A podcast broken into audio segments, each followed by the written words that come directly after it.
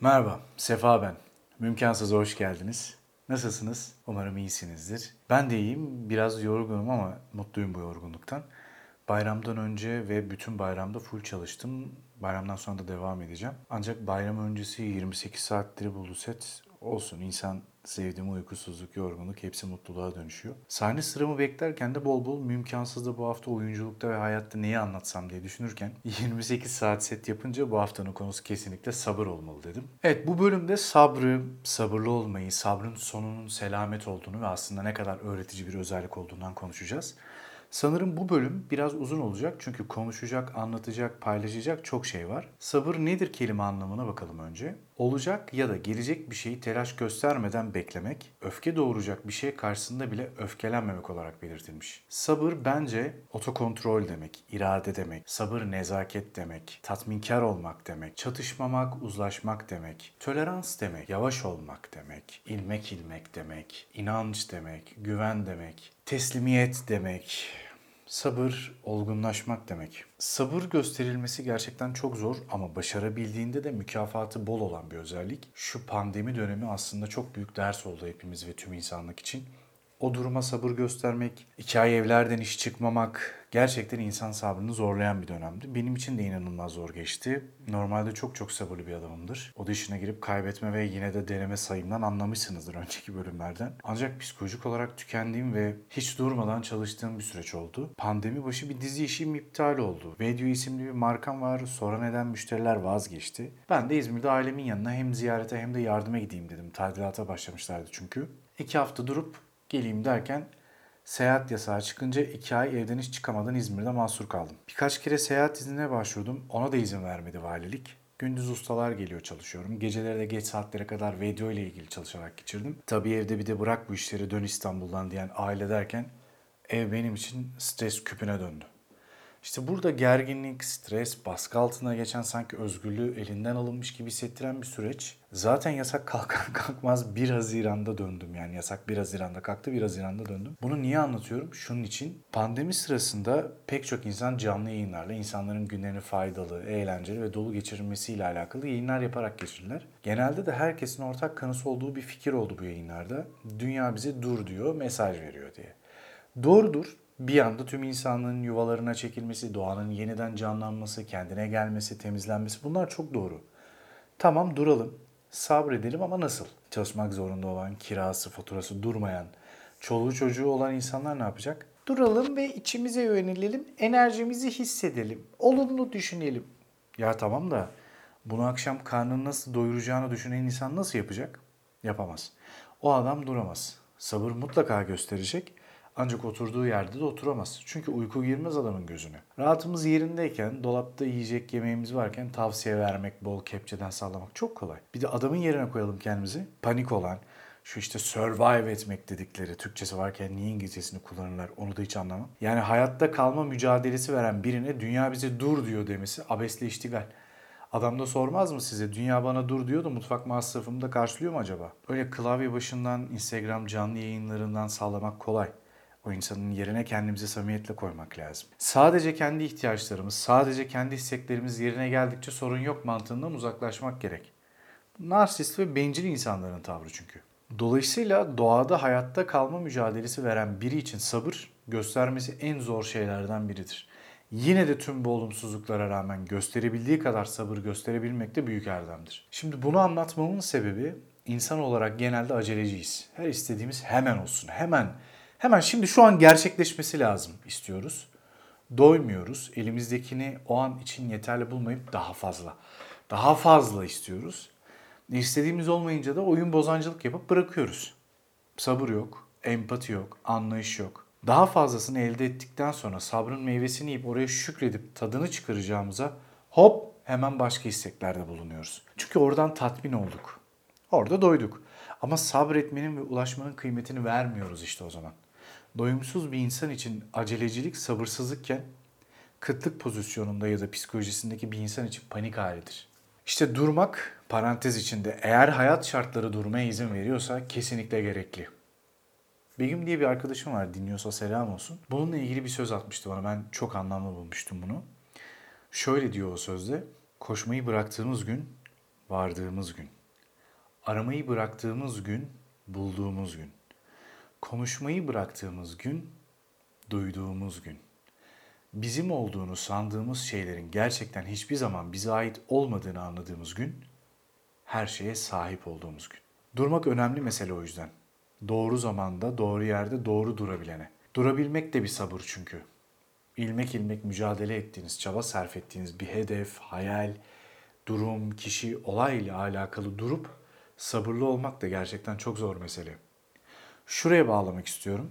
Ben de pandemi döneminde duramayanlardanım. Sabrım tükendi belki. İçinde bulunduğum durum tetikledi bilemiyorum ama pandemi süresince çalışmasam kafayı yerdim sanırım. Çünkü çalışmak beni inanılmaz iyileştiren bir süreç. Pandemi biter bitmez İstanbul'a döndüğümde bir anda enteresan bir şekilde işlerim açıldı. Umarım böyle de devam eder. Belki devam etmeyecek bilmiyorum. Ama sanırım çalışarak geçirmek de sabır sürecinin bir parçasıydı. Bir de bu süreç kendimize vakit ayırmamız gerektiğini gösterdi bence. Hep iş, hep iş nereye kadar diye düşünüyor insan. O yüzden ne kadar zor değil mi sabır göstermek? Bazen mokta, bazen bir iş görüşmesinde, bazen bir ayrılıkta. Yani hayatın herhangi bir anında çok zor. Peki sabır gösteriyoruz da ne için gerçekten?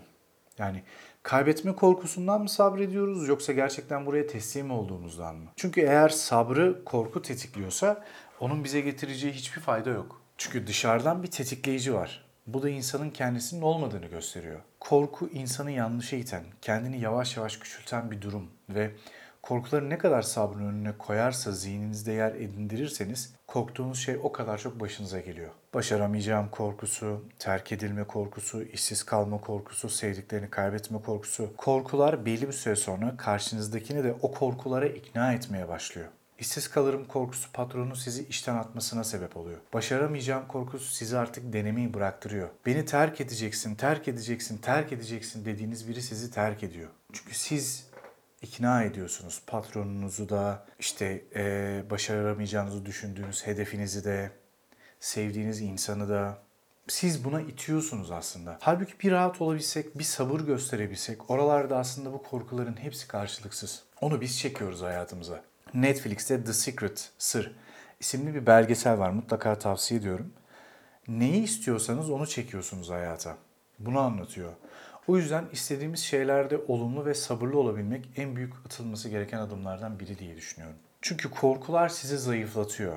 Siz zayıflarsanız sabır gösterecek enerjiyi kendinizde bulamıyorsunuz ve tükenmeye başlıyorsunuz. Halbuki tam tersi olumlu düşünce ve sabırla üstesinden gelinemeyecek konu yok. Başarısız insanların genelde en büyük sıkıntısı ve sebebidir başarısız olmalarının. Çünkü süreci sonuna kadar götürecek irade, sabır, korkusuzluk yoktur hemen bilemediğiniz iki veya üçüncü denemede pes ederler. Sezen Aksu ilk albümü satmadığında pes etseydi bugün Sezen Aksu olabilir miydi? Steve Jobs kendi kurduğu firmadan kovulduğunda pes etseydi geri dönüp tekrar Apple'ın CEO'su olabilir miydi? Girişimcilik hikayelerini, başarı hikayelerini hep takip ederim.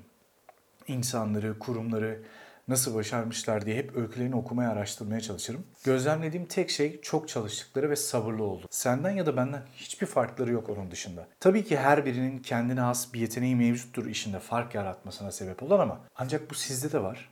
Yapabileceğinize inandığınız şeyde kullanabileceğiniz bir yetenek sizde de var. Sadece henüz farkında değilsiniz. Ee, şeyi çok severim ben Simit Saray'ın hikayesini. Simit Sarayı markasını biliyorsunuz. Sahibi Haluk Okutur. ODTÜ İşletme Mühendisliği bölümü mezunu. Üniversite sonrası iş arama süreci sırasında bir gün sokakta simitçiyi görüp ben neden simit satmıyorum ki diyerek başladığı hikayesinde ailesi ona koskoca ODTÜ mezunu mühendissin simit mi satacaksın dediğinde fikrinin arkasında durup peşinden gidiyor. Simit nasıl üretilir onu bile bilmiyor. Elindeki az bir parasıyla evdeki hesap çarşıya uymuyor tabii. Yüksek dükkan kiraları, hava paraları, Taksim ya da Kadıköy gibi düşlediği konumlarda yer açmasına da izin vermiyor. Kendine bir ortak arıyor. Projelerinden söz açıyor ama nafile dahası yakın tanıdıkları bile bu kadar okudun şimdi simitçi mi olacaksın diyerek onun doğru iş, karlı iş iddiasına destek vermiyor. Aylar geçiyor ortada ne dükkanın ne de ortak var. E daralıyor tabii psikolojik olarak da daralıyor. Çünkü bir erkek için para kazanmak, iş kurmak, gerçek bir erkekten bahsediyorsak Tabii daraldı, arabasını satmak zorunda kaldı. Bir gün şans yüzüne güldü. 2002 yılında Hisar Üstü'nde ziyaret ettiği bir kırtasiyeci arkadaşının Boğaziçi Üniversitesi'ne yakın dükkanın bitişiği boşmuş. Arkadaş işte kendine rakip gelmesin diye bu mekanı da kiralamış. Kırtasiyeci arkadaşı ortağı peki burayı hatır için sana verelim deyince simit işinde ortaklar ama tüm sorumluluk onda olmuş. Elektrikli fırın alacak para yok. İşte bir usta sehpa ve alçak tabureler ayarlanmış. Kenarda da bir çay ocağı kurulmuş. Simiti kim yapacak? Eminönü'ndeki işsiz kahvelerini dolaşmış. İşte boşta bir usta bulmuş.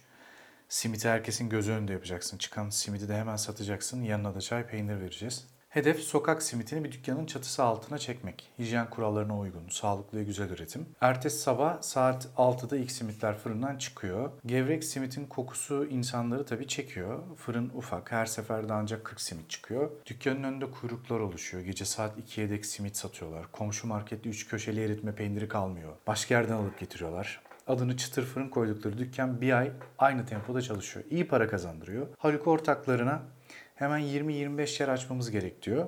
Elimizi çabuk tutalım yoksa gören bizim taklit edecek. Ortaklarından biri bu fikre katılmıyor. Öteki ortağı Mehmet Tarakçı ise ben varım diyor. Sonrasında Mecidiyeköy Ortaklar Şubesi'ndeki ilk simit sarayı şubesini açıyorlar. Ortağının sattığı Mercedes'inin parasıyla. Şu an dünyanın 25 farklı ülkesinde günde 1 milyon misafir ağırlayan global bir markaya dönüşüyor. Bu sabır, irade, sürdürülebilirlik işte başarıyı getiren şey. Bu sabrın sadece bu işte bir dönüşümü ilişkide, hayatta, her alanda sabırla beklemek ama çabayı da bırakmamak. Oyunculukta işte böyle bir süreç ve belki de sektörler arasındaki en risklisi. Ancak risk ne kadar büyürse başarı ihtimali de o denli büyük oluyor. İstanbul'a geldiğimden beri neler yaşadığımı ayrı bir sezonda uzun uzun anlatacağım zaten. Bu sezonda genel olarak hayattan ve temel olarak bir oyuncunun standart donanımında neler olması gerektiğinden konuşuyor olacağız. Ancak sabırla alakalı konuda şunu söyleyebilirim. Ee, bunu ukalalık açısından söylemiyorum. Lütfen yanlış anlamayın. İşte 3 üniversite üniversite, iki dil, birkaç mesleği yapabilmeme rağmen işsiz kaldığım, cebimde 50 lira paranın olmadığı, günlerce evde sadece tost yiyerek geçirdiğim, param olmadığı için kilometrelerce yol yürüdüğüm zamanlarım oldu. Bu durumlar yaşanırken insan niye böyle oldu ben mi hata yaptım diye düşünmüyor değil. Çünkü bakıyorsunuz çalışmışım, yapmam gereken sorumlulukları yerine getirmişim. Karşı tarafta buna tamam ama olmuyor. Terslikler terslikleri doğuruyor. Üzerine gittiğiniz her audition'ı son dakika kaybedince artık umudunuzu yitiriyor, özgüveninizi kaybediyorsunuz. İstanbul'a gelirken zorlanacağımı, başımdan türlü türlü sınavların geçeceğini biliyordum ama bilmediğim, beklediklerimden daha zorlarıyla karşılaşmaktı. Tabii benim buraya gelirken tüm önceliğim, hedefim, sevdiğim bu işte başarılı olmak ve hedeflerimi gerçekleştirmekti. Zorlu olacağını da biliyordum. O yüzden kimseyi bu zorluklarla meşgul etmemek ve kimseyi buna mecbur bırakmamak için uzun süre hayatıma da kimseyi almadım. Bunu bilerek yaptım çünkü zaten zor bir kanalda mücadele ediyorsunuz. Bir de arka tarafta bu işi bırak olmuyor olmuyor diyen bir aile enerjinizi emerken bir de ilişki yaşamak mücadeleyi iyice zorlaştıracaktı çünkü. E aile bir yandan, sevginiz bir yandan sürekli sizi kendi istekleriyle alakalı sıkıştırmaya başladığında üstüne üstlük işler de istediğiniz gibi gitmediğinde hem oraları ikna edeyim hem mücadelemi yapayım imkansız oluyor. Ha sizi gerçekten anlayan, sadece kendi isteklerini ve ihtiyaçlarını değil sizi de düşünen, sadece kendi açısından bakmayan, sadece kendisini haklı bulmayan, karşı tarafı da içinde bulunduğu durumu da anlayacak. Size koşulsuz ve karşılıksız manevi desteğini esirgemeyecek. Size enerji emiciliği değil, enerji takviyesi yapacak biri olursa bu tabii ki de tam tersi pozitif bir durum olur. Bu daha da motive edici ve güçlendirici olur ama mış gibi değil sahici ve gerçekçi bir destekten bahsediyorum. Yani ben hep senin yanındayım, destekçinim deyip çalışmam lazım dediğinizde trip atmamak gibi. Çünkü aileye karşı sabır, mücadeleye karşı sabır, ilişkiye karşı sabır, patrona karşı sabır vesaire derken şişiyor, şişiyor, şişiyor, şişiyorsunuz ve bir yerde pat kontak atıyor. Haklı olarak yani ben tek iyiydim niye benim rahatımı bozdunuz? Bana niye karıştınız oluyorsunuz o zaman? O yüzden tavsiyem en azından bir süre, bir seviyeye kadar mücadeleyi tek götürmeniz. Tüm enerjinizi mücadeleye vermek orada daha hızlı ilerlemenize sebep olacak çünkü. Oraya sabır, buraya sabır, şuraya sabır göster derken içten içe kendinizi tüketmeye ve tükenmeye başlayacaksınız. Burayı doğru yönetebilmek çok önemli mesele. Bu yolda başımdan öyle talihsizlikler geçti ki ya bu da olmaz abi bu kadarı da değildir denilecek ne varsa yaşadım. Daha da yaşayacağım herhalde. Her, ta- her talihsizlikten sonra da şu cümleyi duydum insanlardan. Sabret, daha iyisi olacağı için olmamıştır. Bir zaman bu söz bana teselli etmek ve geçiştirmek anlamında bir şeyler çağrıştırıyordu. Ya da gönül eylemek veya karşı tarafı kısa süreliğine teselli edip motive etmek. Ancak öyle değilmiş. Gerçekten daha iyisi olacağı için olmuyor ve bazen ve sonra daha iyisi oluyor. İyisi olmayacaksa da olmuyor. Buna inanmak lazım. Tam pılımı pırtımı toplayıp artık bu iş olmuyor dediğimde Aysun Hoca ile tanışmama sebep olan Cennetin Gözyaşları dizisinde Faysal karakteri geldi. Tekrar tutundum. Çünkü sabahın 5'inde uyanıp 2,5 saat otobüs yolculuğu çekip Mecidiyeköy'e elimde kıyafetlerle gidip bütün gün sette figüranlık yapıp tekrar 2,5 saat otobüs yolculuğuyla Bahçeşehir'e gelmek ve bunu uzun bir süre yapmak, normal hayatta da bu kadar yola zaman harcamak sevmese kimse çekmez gerçekten. Ama işte ilerleyen dönemlerde diyorsunuz ki ben bu kadar çaba harcıyorum, niye ilerleyemiyorum? Her şeyin bir zamanı varmış, onu öğreniyorsunuz. Siz çabanızı göstermeye devam edeceksiniz ve size karşılığı verilecek zamanı siz seçemiyorsunuz. Bir ara artık eee, bir ara artık tak etmişti yani yeter dedim ya. Bu kadar emek, bu kadar çaba neden olmuyor yani? Meğer oluyormuş, ben fark etmiyormuşum. Sabretmeyi öğrenmek de meseleymiş arkadaşlar. Her bir tecrübe sizi daha sabırlı olmaya itiyor. 4 yıldır ilk defa şu an oynadığım projede hem reji ekibi hem yönetmen gelip Sefa harika oyun dediler. Çekilen planlardan sonra. Yani o kadar mutlu oldum ki anlatamam size. Bunu ben çok iyi oyuncuyum anlamında ya da ukalalığında söylemiyorum. Daha ben yolun çok başındayım. Ama bir zamanlar emeğim görünmüyor diye kızdığınız yerlerden en güzel övgüler geliyor. Ben şimdiye kadar zannediyordum ki emeğimi alın terimi kimse görmüyor. Ama öyle bir an geliyor ki hiç tanımadığınız, ilk defa karşılaştığınız insanlar size övmek zorunda da olmamalarına rağmen tamamen tüm samimiyetleriyle işinizi iyi yaptığınızı söylüyorlar. Ve bundan daha kıymetli hiçbir şey yok. Sabırlı olmayı öğrenmek, sabırla yapmaya devam etmek meseleymiş. 28 saatlik set bana o yüzden bayram gibiydi. Bayramda full çalışmama rağmen.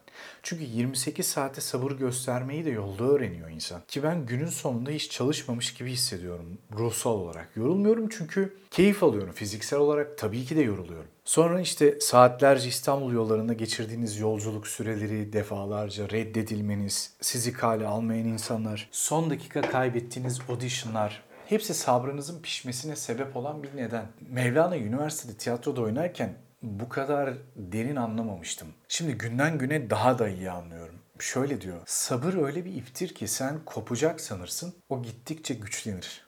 Sen bitecek sanırsın, o gittikçe çoğalır. Sette görüyorum gelen insanları sürekli şikayet, mızmızlanma, sabırsızlık, hadi bitsin de gidelimcilik. Audition'a gidiyorum, insanlar 3-5 kez seçilmediklerinde bırakıp gidiyorlar. 1400 keredir kaybetmişim. Ben gidiyorum mesela hala. aptal, aptal mıyım acaba yani? Bir oyuncu saatlerce beklemeye sabretmeli, defalarca elenmeye sabretmeli, sette egosunun törpülenmesine sabretmeli, başarıyı sabırla beklemeli, karakteri yaratırken sabretmeli. Ben hocalarımı seçerken hep bu işte duayen artık 20-30 yılı devirmiş oyuncu hocalarımın tedrisatından geçmeye çabaladım. Çünkü iyi iş, işin iyi yapan insandan öğrenilir. Onlar da sabırla öğrettiler sağ olsunlar. Onlar bana ne öğrettilerse ben de aktarmakla mükellef olduğum için anlatıyorum bunları. O yüzden oyuncu olmak isteyen birinin özelliklerinden biri de kesinlikle sabır olmalı. Bu bölümün de sonuna geldik. Haftaya yeni bölümde görüşmek üzere.